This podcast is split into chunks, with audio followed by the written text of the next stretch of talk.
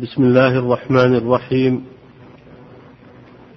الحمد لله رب العالمين وصلى الله وسلم على نبينا محمد. أما بعد قال المصنف رحمه الله تعالى وعن عبد الله بن عمر رضي الله عنهما أن رسول الله صلى الله عليه وسلم نهى عن بيع الثمرة حتى يبدو صلاحها نهى البائع والمبتاع. بسم الله الرحمن الرحيم. الحمد لله رب العالمين. وصلى الله وسلم على نبينا محمد وعلى آله وصحبه. ومن البيوع المنهي عنها بيع الثمرة قبل بدو صلاحها. بيع الثمرة سواء ثمر النخل أو ثمر العنب أو أي ثمر يؤكل. فإنه لا يجوز بيعه حتى يبدو صلاة. أي يبدو نضجه. وطيب أكله. وعلامة ذلك في كل ثمرة بحسبها. فالنخل علامة بدو صلاحه أن يحمر أو يصفر. وذلك لأنه قبل بدو الصلاح عرضة للتلف وعرضة للآفات. فيترتب على ذلك الإضرار بالمشتري. أن يشتري ثمرة قبل بدو صلاحها ثم تتلف أو تصاب بأمراض فيضيع ماله. فلأجل ذلك نهي عن بيع الثمر حتى يأمن العاهة ببدو صلاحه. وهذا من عناية هذه الشريعة بالأموال ورفقها بالناس وضمان حقوقهم. وهذا أيضا فيه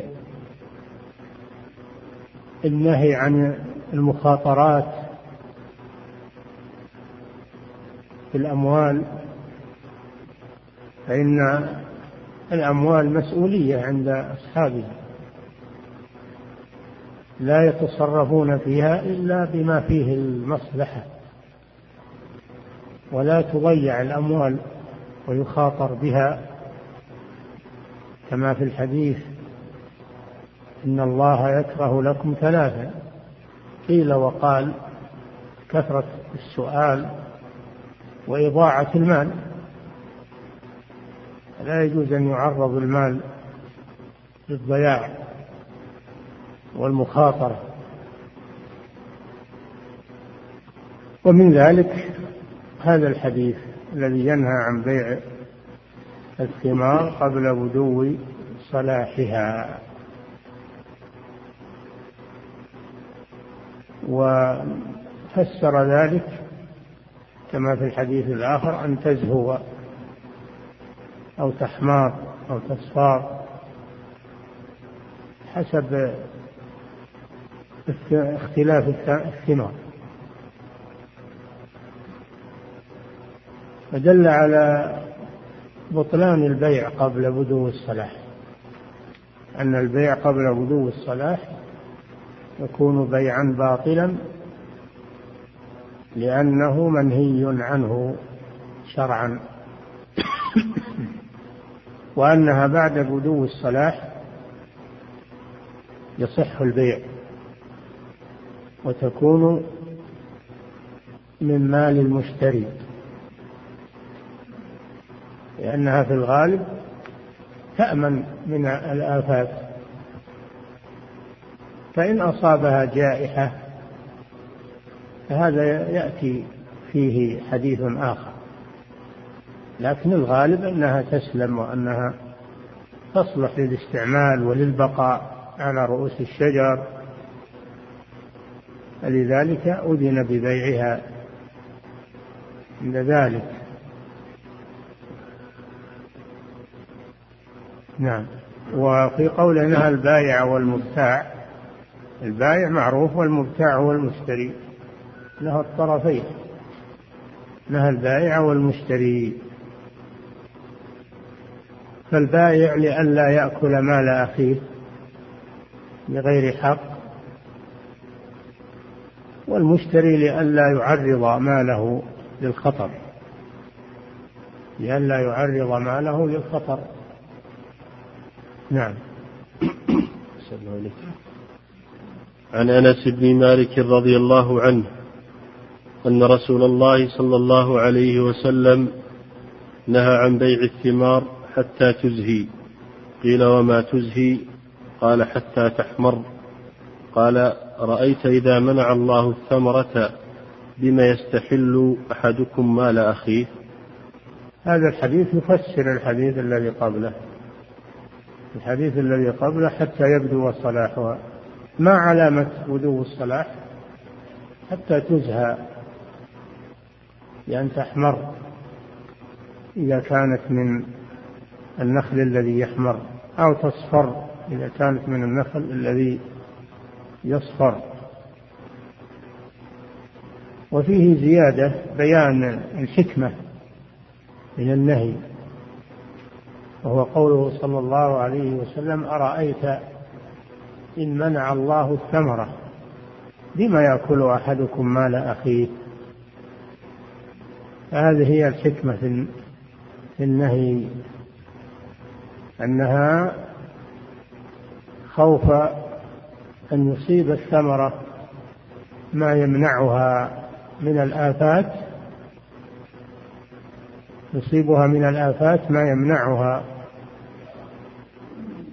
من انتفاع المشتري بها. فيكون الثمن ليس له مقابل. دل على أنها لو أصيبت فإن الثمن ليس للبائع وإنما يرجع للمشتري. فإن أخذه البائع فهو أخذ بغير حق. نعم. وعن عبد الله بن عباس. الحديث. صلى الله عليه عن أنس بن مالك رضي الله عنه أن رسول الله صلى الله عليه وسلم نهى عن بيع الثمار حتى تزهي. تزهى تزهى. الله نعم. حتى تزهى. قيل وما تزهى؟ قال حتى تحمر. قال أرأيت إذا إذا منع الله الثمرة؟ قال أي النبي صلى الله عليه وسلم. نعم. صلى الله عليه قال أرأيت إذا منع الله الثمرة؟ بما يستحل أحدكم مال أخيه؟ أي نعم. دل على أنه لو منع الله الثمرة فإن الثمن حرام على البايع. يجب عليه أن يرده على المشتري. نعم. وعن عبد الله بن عباس رضي الله عنهما قال نهى رسول الله صلى الله عليه وسلم أن تتلقى الركبان وأن يبيع حاضر لباد قال فقلت لابن عباس ما قوله حاضر لباد قال لا يكون له سمسارا.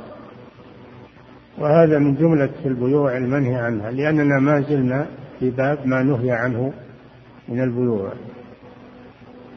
نهى صلى الله عليه وسلم عن تلقي الركبان وهم الجلب. الركبان المراد الجلب. الذي يأتي من البادية أو من غيرها ليبيع ما معه في في السوق. فلا يجوز لأحد أن يخرج له ويشتري منه قبل أن يصل إلى السوق.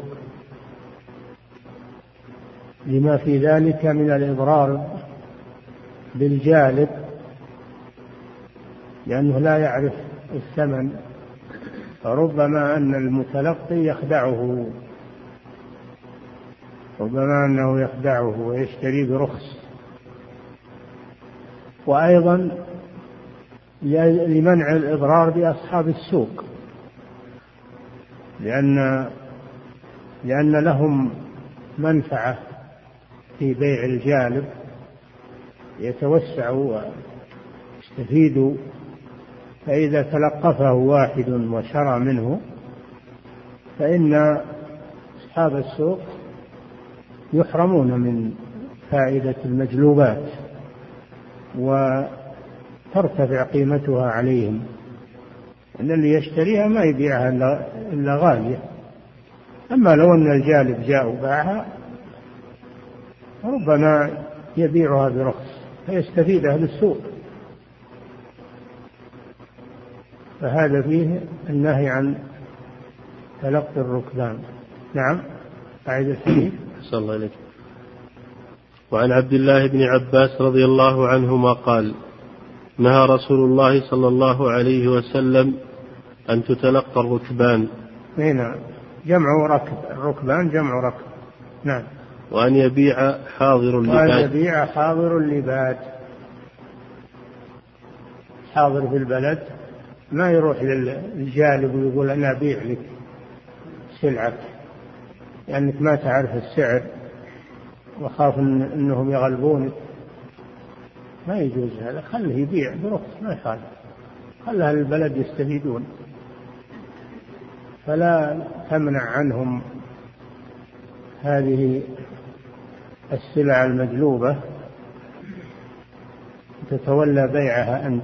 خلهم هم اللي يبيعون أصحابها من أجل أن أهل السوق يستفيدون يشترونها ميسرة.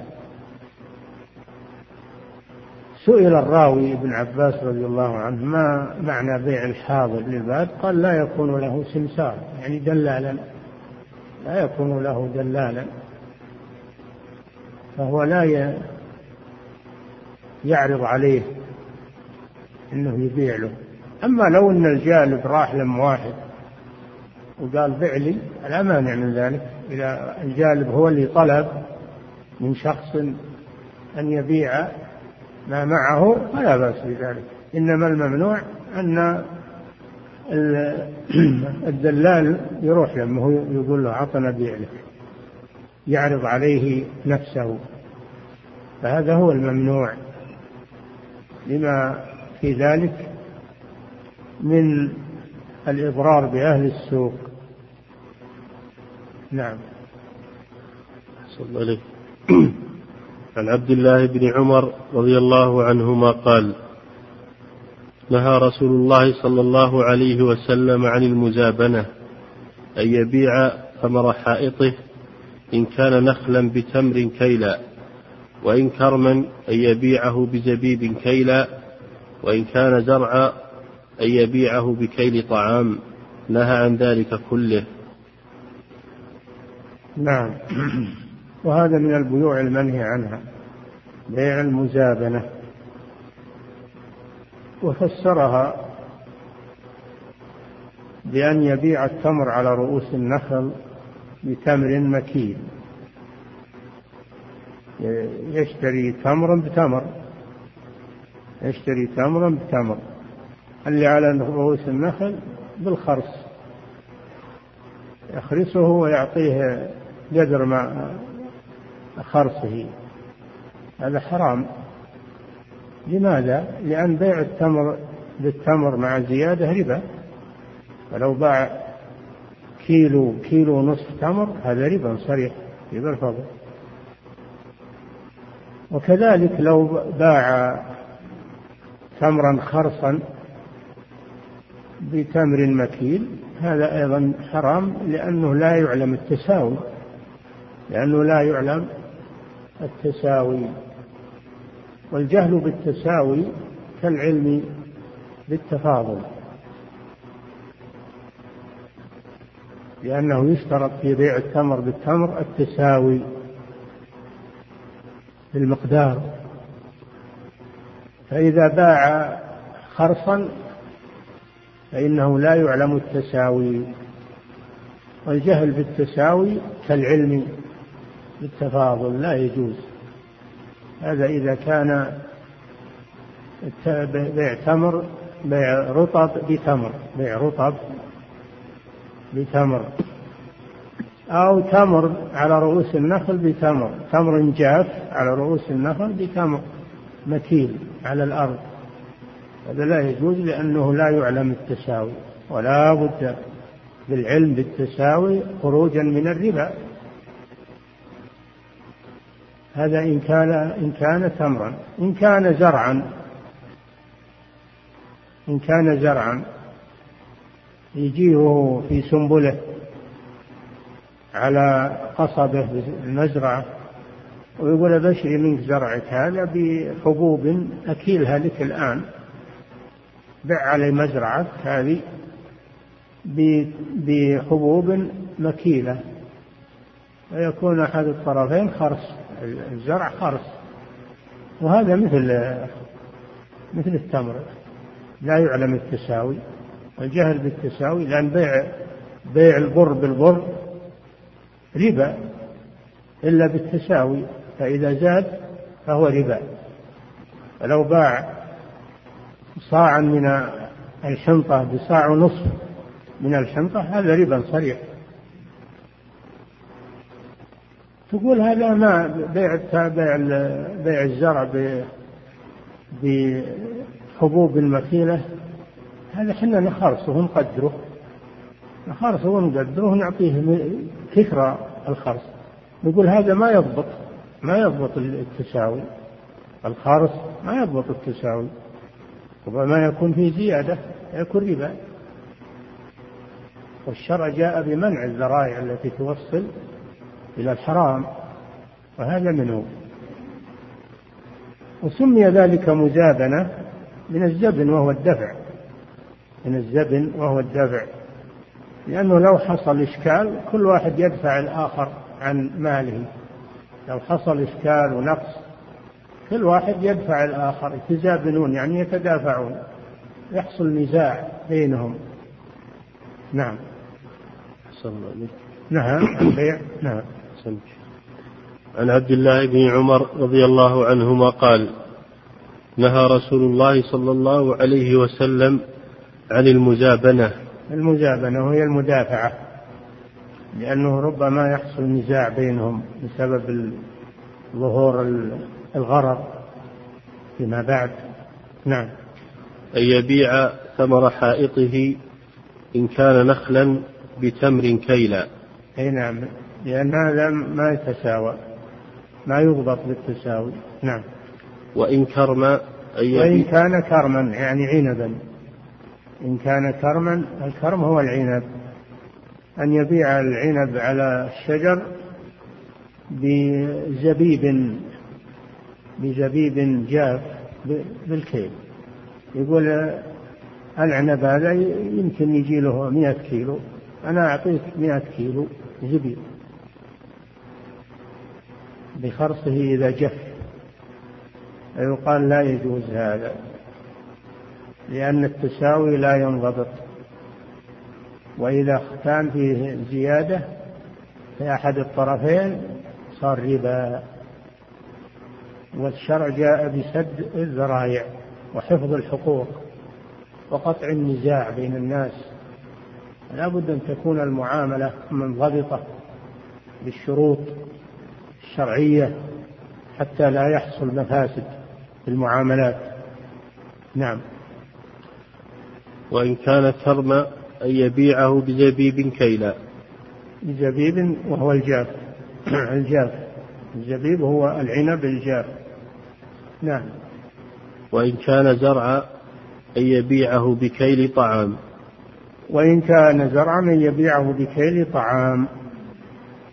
يجي عند الزرع وهو على على القصب ويقول باخذ زرعك هذا بكيل طعام. أعطيك طعام مكيل. تخلي لي الزرع هذا. أنا حصده وأنا أتولى أتولى دياسته يقول هذا حرام ما يجوز. هذا حرام لأنه لا يعلم التساوي. اشترط في بيع الطعام بالطعام التساوي والخرص لا يكفي. الجهل بالتساوي كالعلم بالتفاضل هذه قاعدة. لعدم الانضباط. أما لو باعه بدراهم باع التمر على رؤوس النخل بدراهم أو باع المزرعة بدراهم أو باع العنب بدراهم ما يخالف. يجوز هذا بعد بدو الصلاح كما سبق. إنه إذا بدأ صلاح الثمر يباع لكن ما يباع بجنسه. يباع بغير جنسه ما في مانع يعني ما فيه محذور من الربا. إذا اختلفت هذه الأجناس فبيعوا كيف شئتم إذا كان يدا بيد. نعم. نهى عن ذلك كله. نهى عن ذلك عن بيع التمر على رؤوس الشجر وعن الزرع على رؤوس قصبه وعن بيع العنب على شجره بالخرص لمثله إذا جف لأن هذا لا يضبط تساوي فيه يكون من الوسيلة إلى الربا. نعم. صلى الله عليه عن جابر بن عبد الله رضي الله عنهما قال نهى النبي صلى الله عليه وسلم عن المخابرة والمحاقلة وعن المزابنة وعن بيع الثمرة حتى يبدو صلاحها وألا تباع إلا بالدينار والدرهم إلا العرايا. نعم هذه جملة بيوع منهي عنها. نهى نهى النبي صلى الله عليه وسلم عن المخابرة. نعم. والمحاقلة. نعم. وعن المزابنة. نعم. وعن بيع المخابرة بيع الزرع قبل بدو صلاحه. والمحاقلة هي التي سبقت بيع بيع الزرع بخرصة من البر من الحبوب.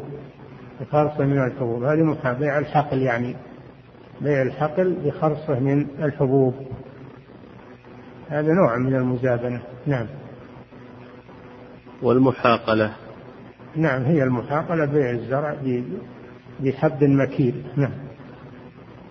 وعن المزابنة وعن بيع المزابنة عرفناها. تعم كل هذه الأمور.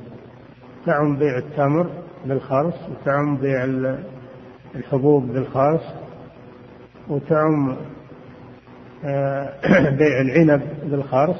كل هذه تسمى مزابنة. نعم. وعن بيع الثمرة حتى يبدو صلاحها. هذا سبق.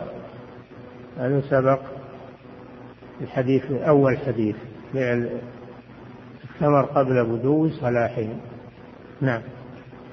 وأن لا تباع إلا بالدينار والدرهم إلا العرايا. فلا تباع هذه إذا بيعت دل على أنه إذا بيعت هذه الأشياء بالدراهم لا بأس. إذا بيع الزرع بدراهم وهو على زرعه بعد بعد بدو صلاحه مشتد اشتد حبه يجوز بيعه بالدراهم. الثمر إذا بدا صلاحه يجوز بيعه بالدراهم.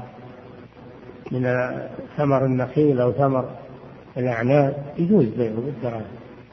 الدينار يعني بالدراهم. العملة في كل وقت بحسبه. وذاك الوقت كان العملة الدينار وهو الذهب مثقال من الذهب دينار الإسلامي. نعم. قال المصنف المحاقلة الحنطة في سنبلها بحنطة. هذا هو اللي سبق. بيع الزرع بخرصة من الكيل. نعم. صلى الله عليه عن أبي مسعود الأنصاري رضي الله عنه أن رسول الله صلى الله عليه وسلم نهى عن ثمن الكلب ومهر البغي وحلوان الكاهن. هذا من البيوع المنهي عنها نهى عن ثمن الكلب. الكلب يستعمل للحراسة أو للصيد أو لحراسة الماشية. يجوز استعمال الكلب للصيد الكلب المعلم وللحراسة سواء معلم أو غير معلم حراسة الماشية حراسة المزرعة. يجوز اقتناء الكلب للحراسة. لكن لا يباع ويجوز استعماله لكن لا يجوز بيعه بيع الكلاب. نعم. صلى الله عليه نهى عن ثمن. عن أبي مسعود الأنصاري رضي الله عنه أن رسول الله صلى الله عليه وسلم نهى عن ثمن الكلب ومهر دل على أن بيع الكلاب حرام. بيع الكلاب وأكل ثمنها حرام. لا يجوز. وإن كان يجوز استعمالها والاستفادة منها قال تعالى فكلوا مما أمسكنا عليكم واذكروا اسم الله عليه يجوز استعمال الكلب للصيد إذا كان معلما. وما علمتم من الجوارح مكلفين تعلمونهن مما علمكم الله وكلوا مما أمسكنا عليكم. واذكروا اسم الله عليه يجوز استعماله لكن ما يجوز بيعه. يجوز استعماله للحراسة. لكن لا يجوز بيعه. نعم. صلى الله عليه وعن أبي مسعود الأنصاري يعني رضي الله نهى. نهى أن رسول الله صلى الله عليه وسلم نهى عن ثمن الكلب هذا واحد. ومهر البغي. مهر البغي وهي الزانية والعياذ بالله. مهر البغي التي تأخذ على زناها. الزنا حرام. فاحشة. ولا تقربوا الزنا.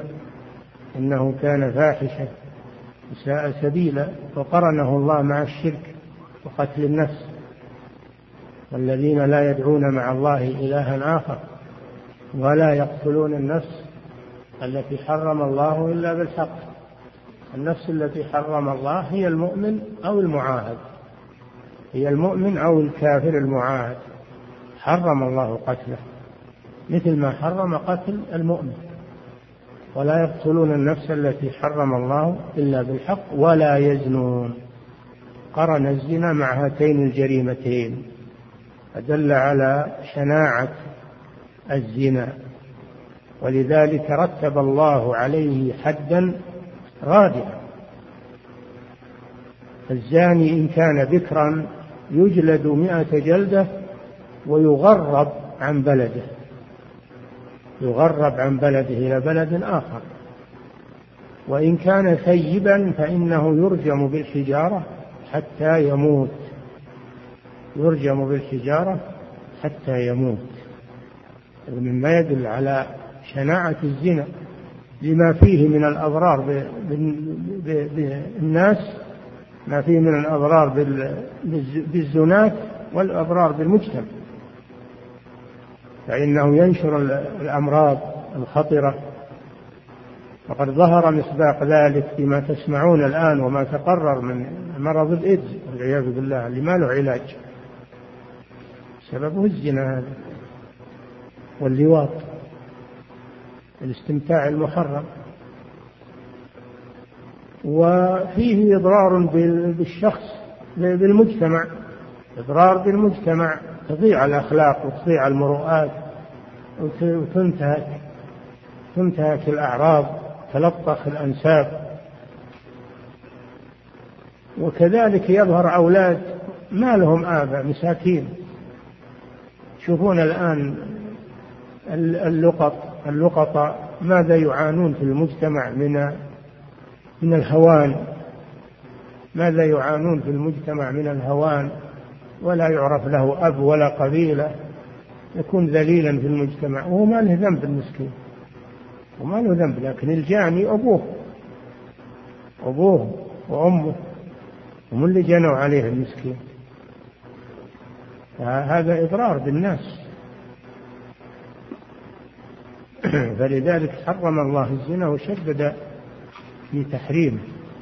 ولا تقربوا الزنا. لا تقربوا. ما قال لا تزنوا بل, بل أشد من ذلك. قال لا تقربوا تجنبوا الوسائل التي تفضي إلى الزنا من النظر المحرم والسفور والاختلاط بين الرجال والنساء سفر المرأة بدون محرم. هذه كلها أسباب للزنا. نهى الله عنها لأنها تقرب إلى الزنا ولا تقربوا الزنا. فإذا نهي عن الوسائل فكيف بال فكيف بالزنا نفسه والعياذ بالله؟ ولا تقربوا الزنا. ثم قال إنه كان فاحشة. والفاحشة ما تناهى قبحه. ما تناهى قبحه فهو فاحشة. وساء سبيلا طريقا. ساء طريقا لقضاء الشهوة لما يترتب عليه من ضياع الأنساب وفشو الأمراض وضياع الأعراض كل هذا مما يترتب على الزنا فإذا أخذت الزانية في مقابل ذلك مالا فهو حرام. فهو حرام وسحت لأنه في مقابل حرام. وما كان في مقابل حرام فهو حرام وسحت. فما تكسبه الزواني من الزنا هذا سحت. مع الأسف يقولون بعض المجتمعات أنها تجعل الزنا مورد من موارد الدولة. تجعل الزنا مورد من موارد الدولة وتأخذ ضرائب على بيوت الدعارة. فهذا سحت وحرام. يلطخ المجتمع والدولة كلها والعياذ بالله. نعم. وعن عن أبي مسعود وحلوان الكاهن. حلوان الكاهن هو الذي يدعي علم الغيب. يقول للناس أنتم بيحصل لكم كذا أنت بيحصل لك حظ أو بيحصل عليك ضرر. يخبر الإنسان عن مستقبله وما يحصل له. لأنه إما أنه يتخرص ويدعي علم الغيب ولا يعلم الغيب إلا الله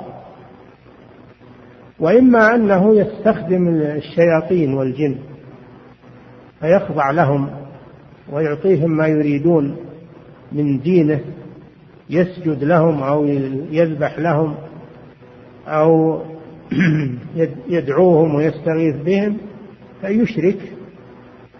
ثم يخدمونهم. إذا أفسدوا دينه خدموه. ربنا استمتع بعضنا ببعض. فالجن يستذل الإنس يستذله.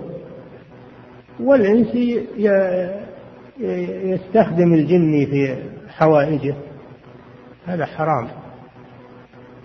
والكاهن يجب أنه يردع يمنع من الكهانة ادعاء علم الغيب هذا من نواقض الإسلام كما قلت. من ادعى علم الغيب فإنه مرتد عن دين الإسلام.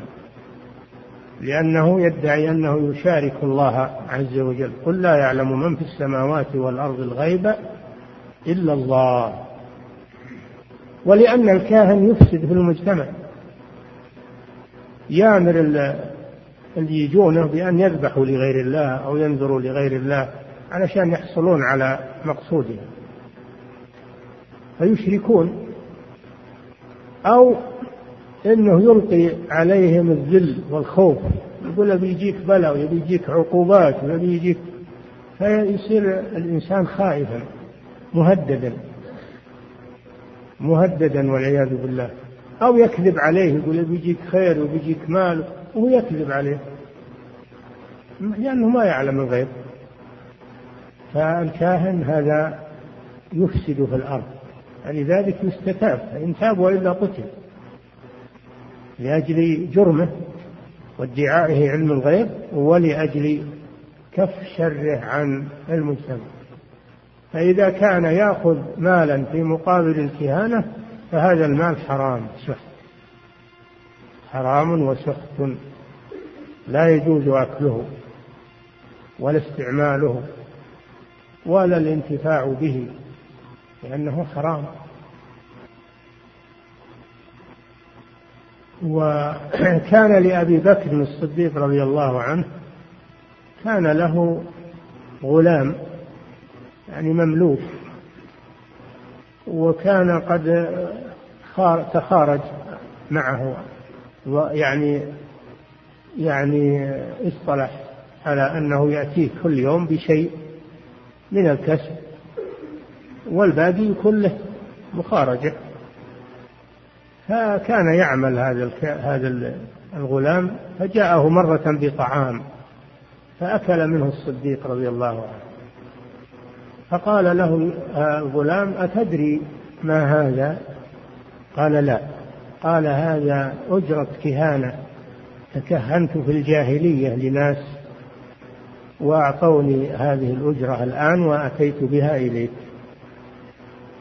فأدخل أبو بكر رضي الله عنه أصابعه في حلقة واستفرغ استفرغ ما في جوفه استفرغ ما في جوفه لما عرف إنه حرام. وقال والله لو خرجت روحي معه لا أخرجتها. إني سمعت رسول الله صلى الله عليه وسلم يقول كل لحم نبت من السحت فالنار أولى به. نعم. دل على تحريم ثمن الكهانة. والكهان كثروا الآن يدعي اللي يقرأ الكف واللي يقرأ في الفنجان واللي يعني طرق واللي يخطط في الأرض واللي طرق خبيثة كلها كلها تجتمع في ادعاء علم الغيب الذي لا يعلمه إلا الله. وإفساد المجتمع وإفساد عقائدهم وأخذ أموالهم وتهديدهم بالمخوفات. نعم. فالكاهن مفسد في الأرض.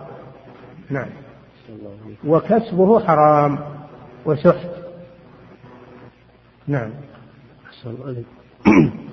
عن رافع بن خديج رضي الله عنه أن رسول الله لكن يمكن تسأل تقول الباب باب ما نهي عنه من البيوت.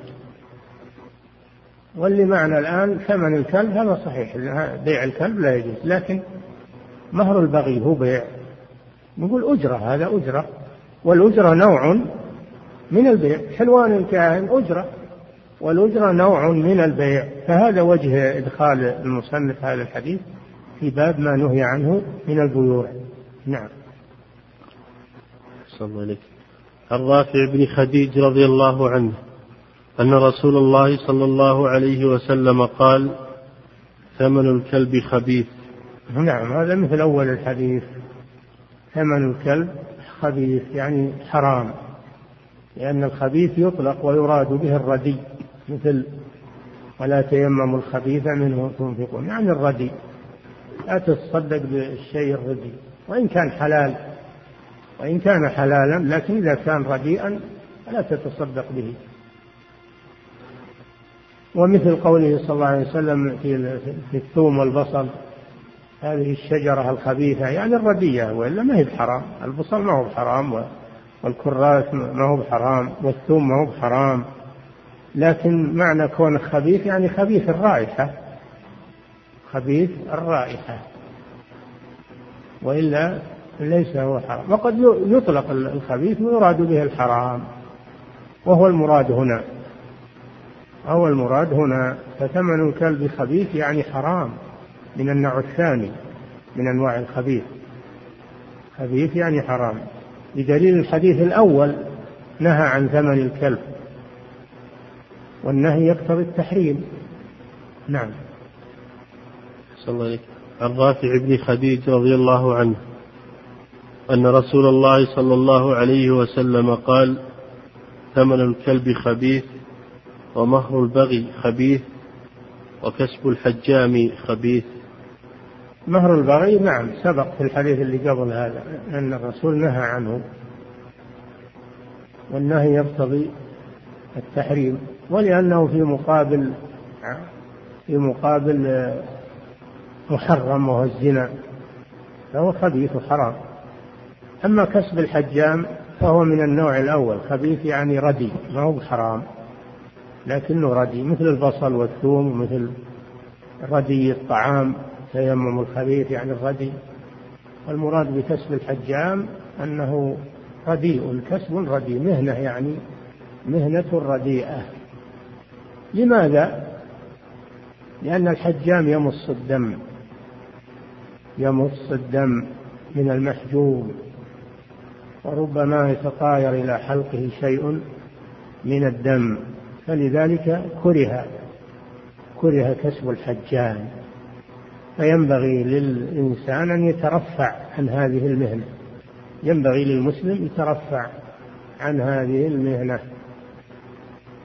وإن احتاج إليها فلا بأس إذا ما وجد يعني ما يتعيش منه إلا بها. ما في مانع الرسول صلى الله عليه وسلم احتجم وأعطى الحجام أجرته. فلو كان آه، كسب الحجام محرما ما أعطاه الرسول صلى الله عليه وسلم أجرته. لكن معنى خبيث يعني أنه كسب الردي. إن أمكن المسلم يستغني عنه فهو أحسن. وإن احتاج إليه زالت الكراهة. إذا احتاج الإنسان إلى مكروه يزول تزول الكراهة. نعم. وإذا اضطر إلى محرم زال التحريم. فالمحرم يباح للضرورة والمكروه يباح للحاجة وإن لم يضطر. نعم. صلى الله باب العرايا وغير ذلك. العرايا جمع عرية. والعرايا بيع الثمر على رؤوس النخل بتمر كيلو. المزابنة التي سبقت. لكن الرسول رخص رخص يعني استثناها الرخصة استثناء من المزابنة السابقة. ما هي العرايا التي استثناها الرسول وأباحها؟ أن يحتاج الإنسان إلى الرطب. يعني وقت التمر والرطب ولا عنده فلوس يشتري رطبا يأكل ويتفكى. لكن عنده تمر قديم عنده تمر جاف من ثمرة العام الماضي. وهو يريد رطب ولا عنده فلوس يشتري. رخص له الرسول صلى الله عليه وسلم أن يشتري النخلة عليها الثمرة بخرصها من التمر الجاف. وإن كان هذا فيه جهل بالتساوي لكن رخص فيه رخص فيه للحاجة. يأكل مع الناس ما ينحرم من الرطب. ما ينحرم من الرطب. فرخص له الرسول صلى الله عليه وسلم من أجل أنه يفرح مع الناس ويأكل مع الناس الرطب ولا يبقى على أكل التمر الجاف فتجوز بشروط. أولا أنها تكون خمسة أوسق فأقل. يعني ثلاثمائة صاع بالصاع النبوي لأن الوسط ستون صاعا بالصاع النبوي تكون بهذا المقدار ولا تزيد عن خمسة أوسق ثانيا أن يكون محتاجا إلى أكل الرطب وليس عنده دراهم يشتري بها. ما عنده إلا تمر. فإنه يرخص له في ذلك. يرخص له في ذلك. نعم. باب العرايا وغير ذلك. وغير ذلك مما يأتي في الباب من غير العرايا بيأتي أحاديث غير موضوع العرايا. نعم. صلى الله عليه عن زيد بن ثابت رضي الله عنه أن رسول الله صلى الله عليه وسلم رخص لصاحب العرية. رخص شوف رخص. دل على أن الأصل التحريم وقد سبق التحريم النهي عن المزابنة وهي بيع الرطب على رؤوس النخل بخرصة من التمر. نعم. أن رسول الله صلى الله عليه وسلم رخص لصاحب العرية أن يبيعها أن يبيعها بخرصها. أن يبيعها بخرصها. وكان هذا منهي عنه في الحديث السابق. لكن استثناه الرسول صلى الله عليه وسلم من أجل التوسعة على المحتاجين. نعم. ولمسلم بخرصها تمرا يأكلونها رطبا. يأكلونها رطبا. شوف هذا شرط ثالث. إذا اشتراها بالتمر ما يخليها تجف. لأنه إذا خلاها تجف دل على أنه ما هو محتاج. لا تجوز له العرية. شرط يشترط أنه يأكلها وهي رطب ولا يخليها تجف. لأنه إذا خلاها تجف دل على أنه ما هو محتاج. انتفت الرخصة. نعم. عن أبي هريرة رضي الله عنه أن النبي صلى الله عليه وسلم رخص في بيع العرايا في خمسة أوسق أو دون خمسة أوسق. هذا الشرط الأساسي. الشرط الأساسي أن يكون مقدار العراية خمسة أوسق لا تزيد. وخمسة الأوسق الوسق ستون صاعا فتكون بالصاع النبوي ثلاثمائة صاع. هذه تكفي لأهل البيت من الرطب. نعم. فإن زاد فهو لا يجوز يرجع للتحريم. إن زاد رجع إلى تحريم المزادنة. وإن كان في حدود خمسة فأقل فهذا جائز. نعم. في خمسة أوسق أو دون خمسة أوسق. أي نعم يعني شك من الراوي. هذا شك من الراوي. هل رخص الرسول صلى الله عليه وسلم بخمسة أوسق أو رخص بدون خمسة أوسق؟ فهذا من الاحتياط في الرواية عن النبي صلى الله عليه وسلم. نعم. عن عبد الله بن عمر رضي الله عنهما أن رسول الله صلى الله عليه وسلم قال من باع نخلا قد أبرت فثمرها للبائع إلا أن يشترط المبتاع. ولمسلم نعم عاد إلى البيوع المنهي عنها البيوع المنهي عنها. إذا باع نخلا قد أبر يعني لقحت أبرت يعني لقحت تعرفون اللقاح أنتم فلا يحكي لكم. تعرفون اللقاح يوضع فيها من طلع الفحال ما يصلحها يوضع في طلع النخلة من طلع الفحل لأن الله خلق ذكور في ما خلق من كل زوجين اثنين ومن ذلك النخل. خلق منه زوجين اثنين ذكرا وأنثى. فالذكر يسمى الفحل يسمى الفحل. ويسمى التلقيح تأبير أبرت يعني قطع الكافور اللي عليها ما هو بالطلع أول ما يظهر مغلف ثم ينفتح وينفرج. يجون يقطعون الغلاف هذا ويخلون يخلون الطلع بارز. يخلونه بارز ويحطون فيه من طلع الفحال حتى يصلح هذا معنى التأبير هذا معنى التأبير سبق لنا أنه ما يجوز بيع الثمر قبل بدو صلاحه.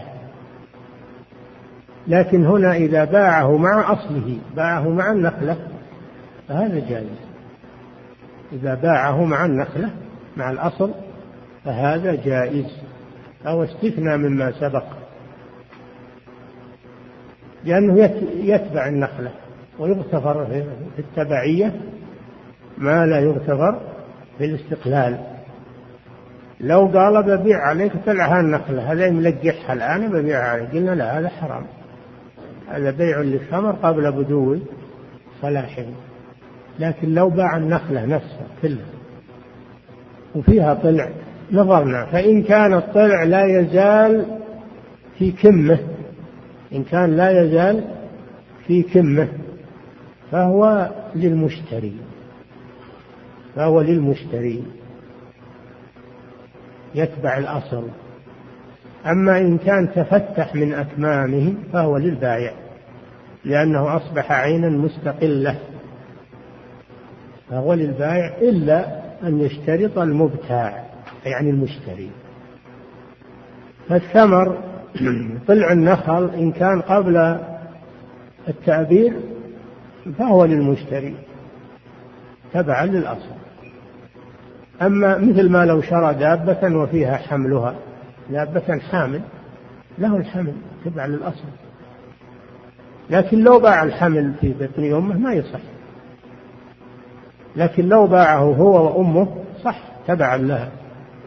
كذلك النخلة. إذا باعها وفيها طلع لم يتفتح فهو للمشتري تبعا للأصل. أما بعد أن يتفتح فهو لل للبايع وليس للمشتري إلا أن يشترط المبتاع وهو المشتري فإذا شرطه مع النخلة صح هذا. هنا هذا موضوع الحديث. نعم. عن عبد الله بن عمر رضي الله عنهما أن رسول الله صلى الله عليه وسلم قال وإذا صار للبائع صار للمشتري وهو باع النخلة فإنه يبقى فيها إلى أن يصلح للأخذ يبقى فيها للمشت... للبايع يبقى فيها للبايع إلى أن يصلح للأخذ بعد بدو صلاحه. فيأخذه. نعم. عن عبد الله بن عمر رضي الله عنهما أن رسول الله صلى الله عليه وسلم قال من باع نخلا قد أبرت فثمرها للبائع إلا أن يشترط المبتاع. أن يشترط ثمنها فيدخل معها تبعا يشترط طلعها فيدخل معها تبعا هذا بعد التأبير أما قبل التأبير فهو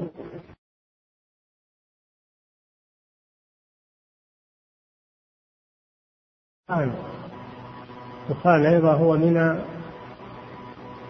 من الخبائث ويلتحق بالخمر من ناحية التفكير أنه يفتر ويلتحق بالخمر من ناحية أنه يسبب الأمراض الخبيثة فهو شبيه بالخمر من نواحي وإن كان لا يسكر وليس عليه حد الخمر إذا تعاطاه يعزر ولا ولا يقام عليه حد الخمر لكن هو يشارك الخمر في أشياء في الأضرار فهو مادة خبيثة ولا يجوز بيعه ولا شراؤه ولا جعله في الدكاكين وعرضه للبيع. هذا حرام ما يجوز. نعم. وأكل ثمنه. نعم. فجميع ما يخل بالعقل جميع ما يخل بالعقل أو يضر الجسم كالمخدرات أو الدخان فإنها حرام بيعها وشراؤها. نعم. والميتة والخنزير. والميتة هي الحيوان الذي مات حتف أنفه بدون زكاة. الميتة هي ما مات بدون زكاة شرعية. هذا هو الميتة. كالأغنام والإبل والبقر والطيور. ما مات بغير زكاة شرعية فهو ميتة حرام أكله وحرام بيعه وشراؤه. لأنه خبيث. نعم. والخنزير؟ والخنزير حيوان خبيث. حيوان خبيث. حرمه الله سبحانه. حرمت عليكم الميتة والدم ولحم الخنزير. أو لحم خنزير فإنه رجس. يعني الخنزير رجس. يعني نجس.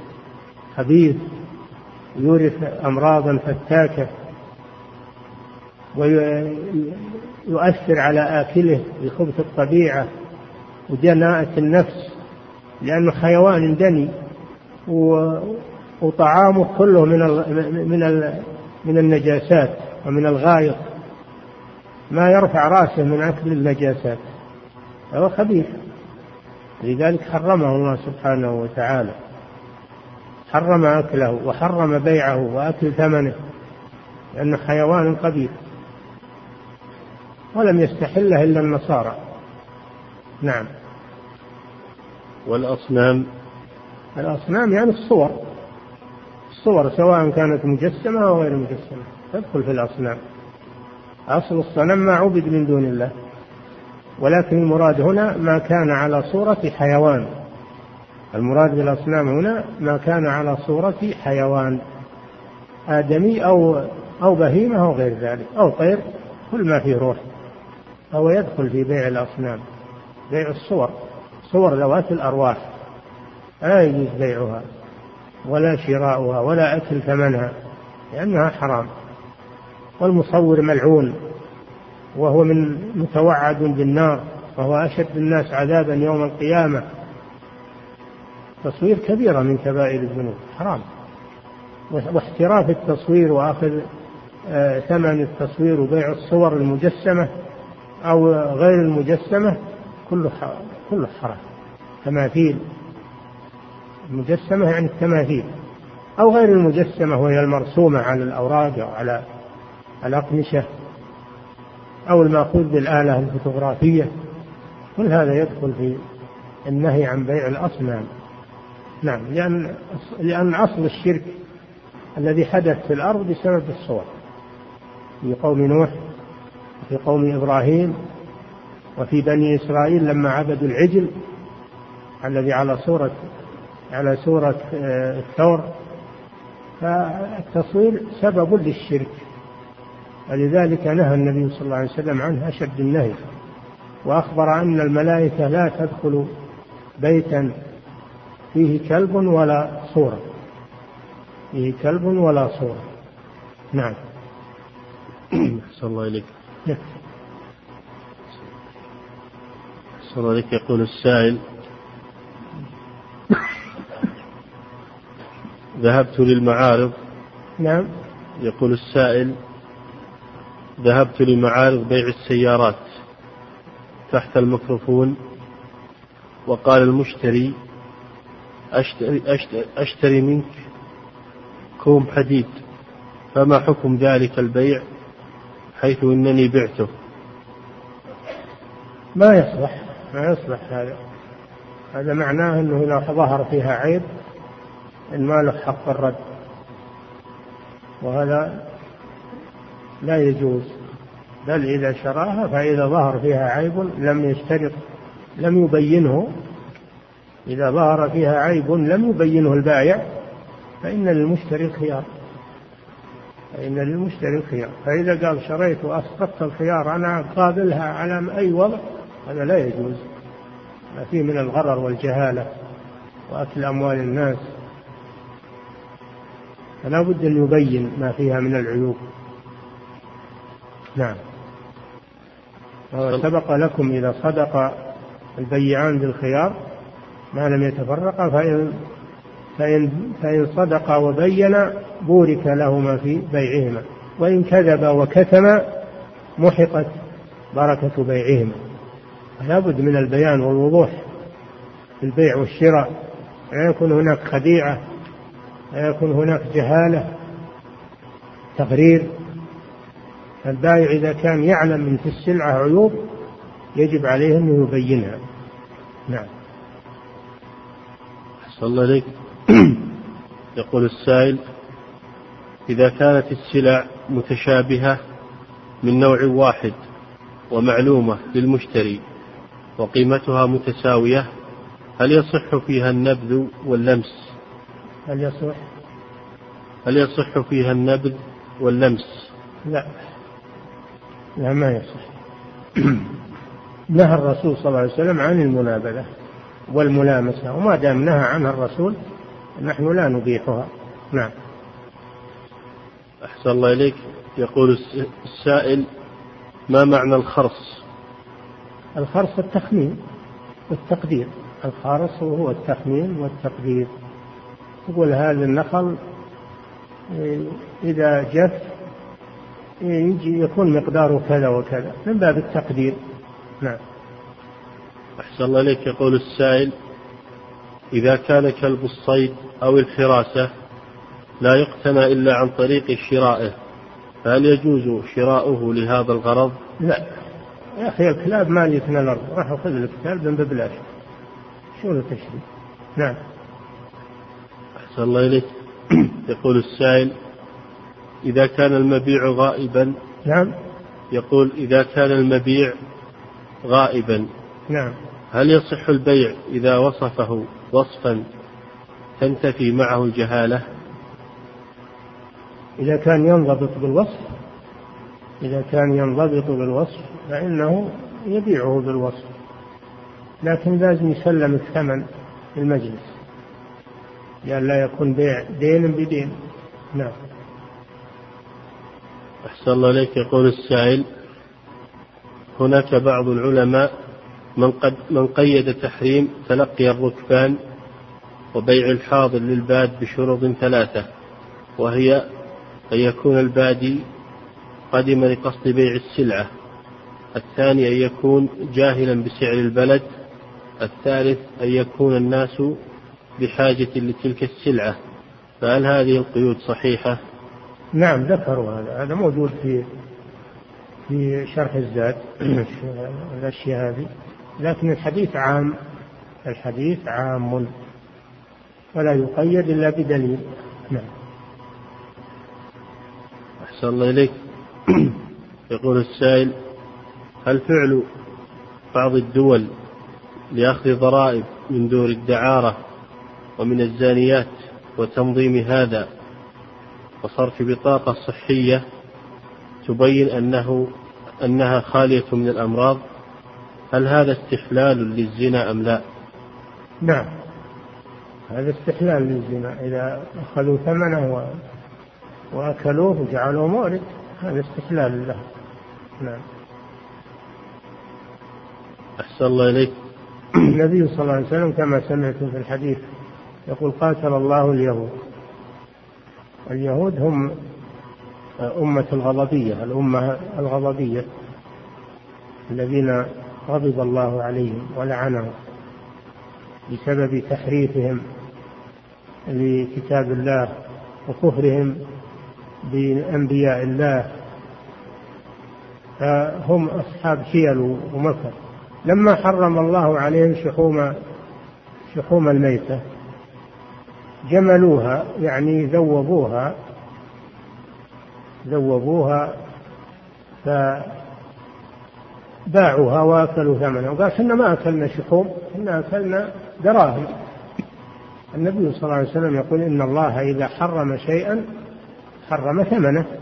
هذا احتيال من اليهود على أحكام الله عز وجل. كما احتالوا يوم السبت على صيد السمك؟ فهم أصحاب حيل يستحلون محارم الله بأدنى الحيل. ولعل لنا رجوع على هذا الحديث في الدرس القادم إن شاء الله. نعم.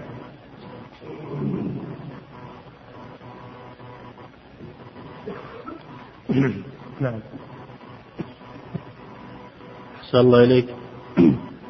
يقول السائل هل الأصل في لفظة الخبيث هل الأصل في لفظ الخبيث في الشرع التحريم أو الكراهة؟ مشترك يشمل الاثنين يشمل الخبيث ويشمل الردي. ما هو الكراهة الردي من الأشياء يقال له خبيث وإن كان مباحا. والشيء المحرم يقال له خبيث يحرم عليهم الخبائث. نعم. أحسن الله إليك.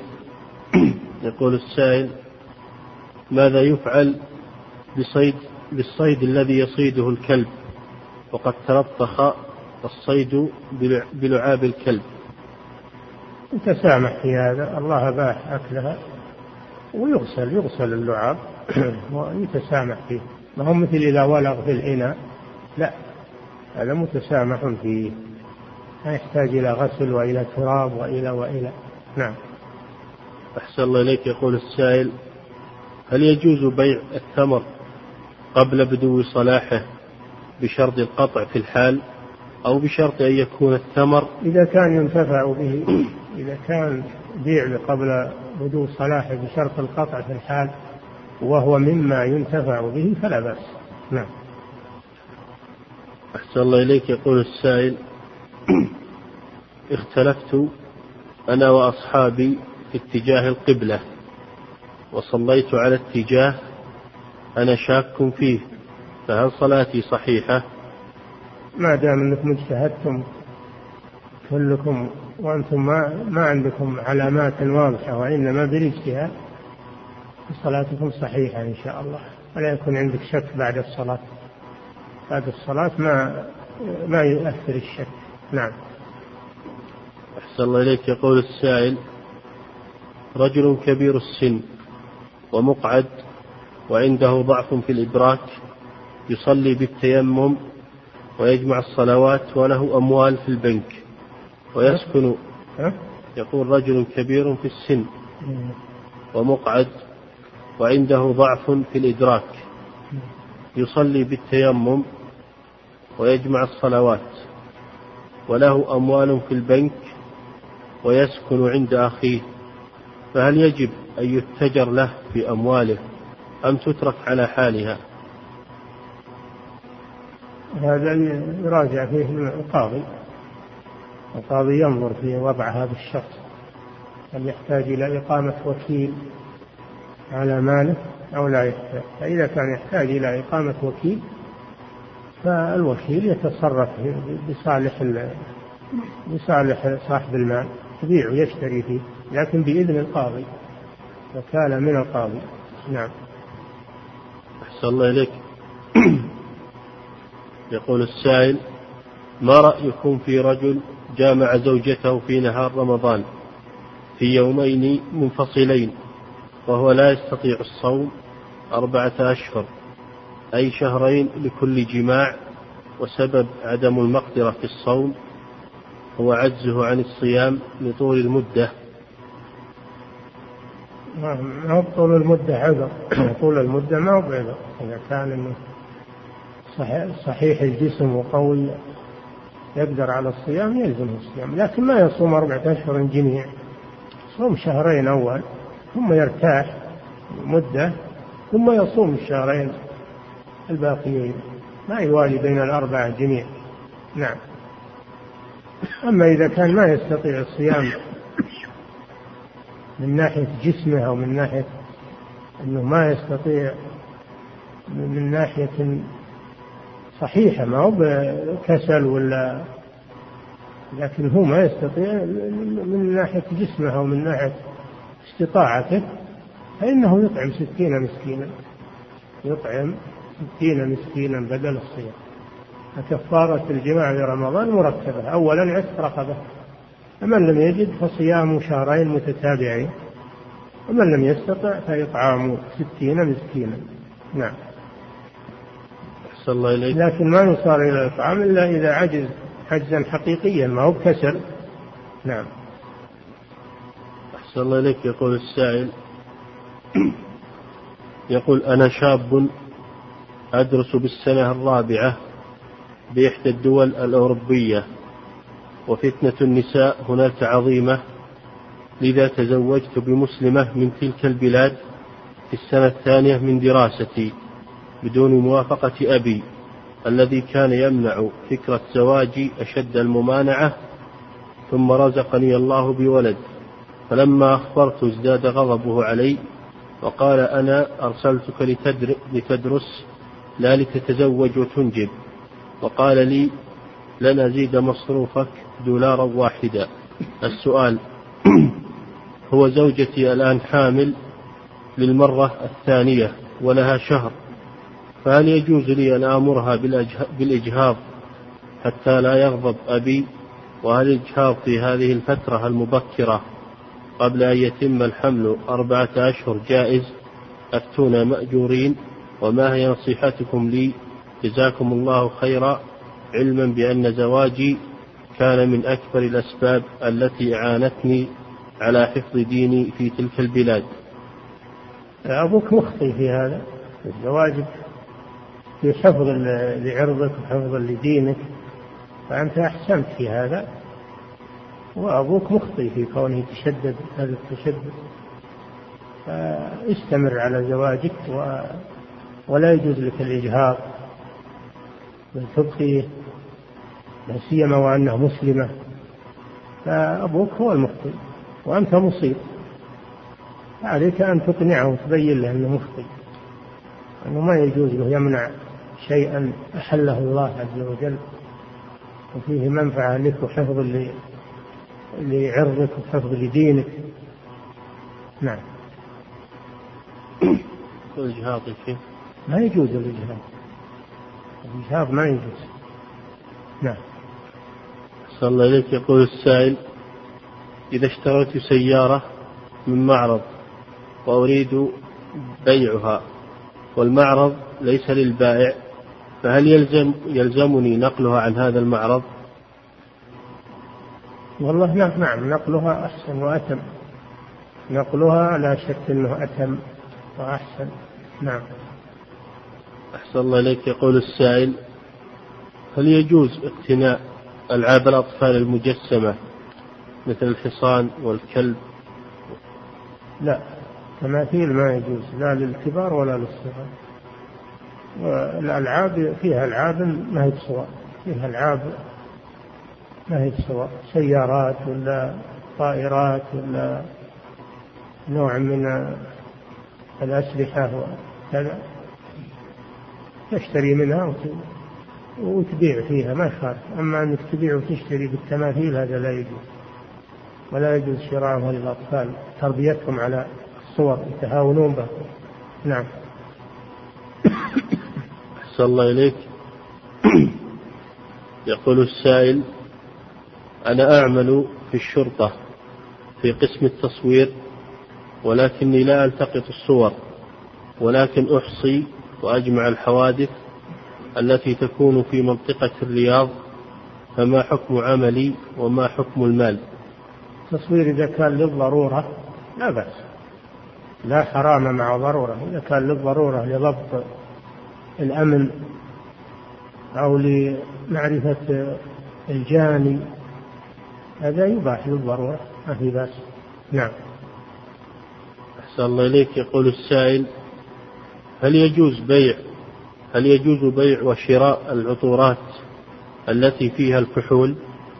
إذا ثبت فيها كحول فلا يجوز بيعها وشراء إذا كانت تسكر إذا شربت لأن فيه نوع من الطيب يسكر إذا شرب.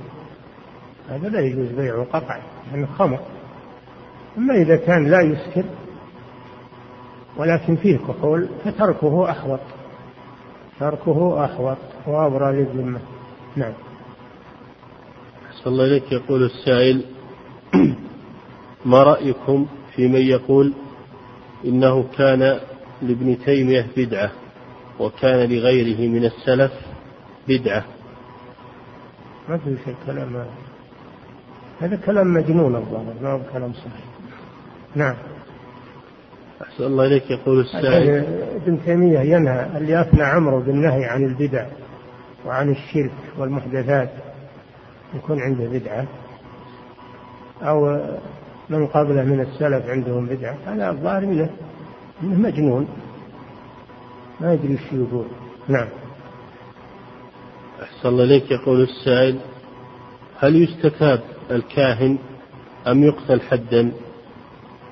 الساحر يقتل حدا أما الكاهن فيستتاب. إنما الساحر هو اللي يقتل حدا ولا يستتاب. نعم. أحسن الله إليك يقول السائل إذا اشترى الثمر بنية القطع لكن تركه حتى نضج هل يحل له الانتفاع بهذا أو يبطل البيع؟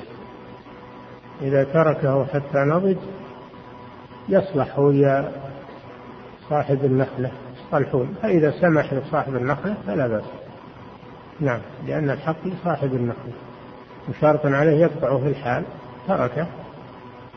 يتغذى من النخلة فإذا صلحوا فلا بأس. نعم. أحسن الله إليك. يقول السائل ما رأي ما رأي الشارع؟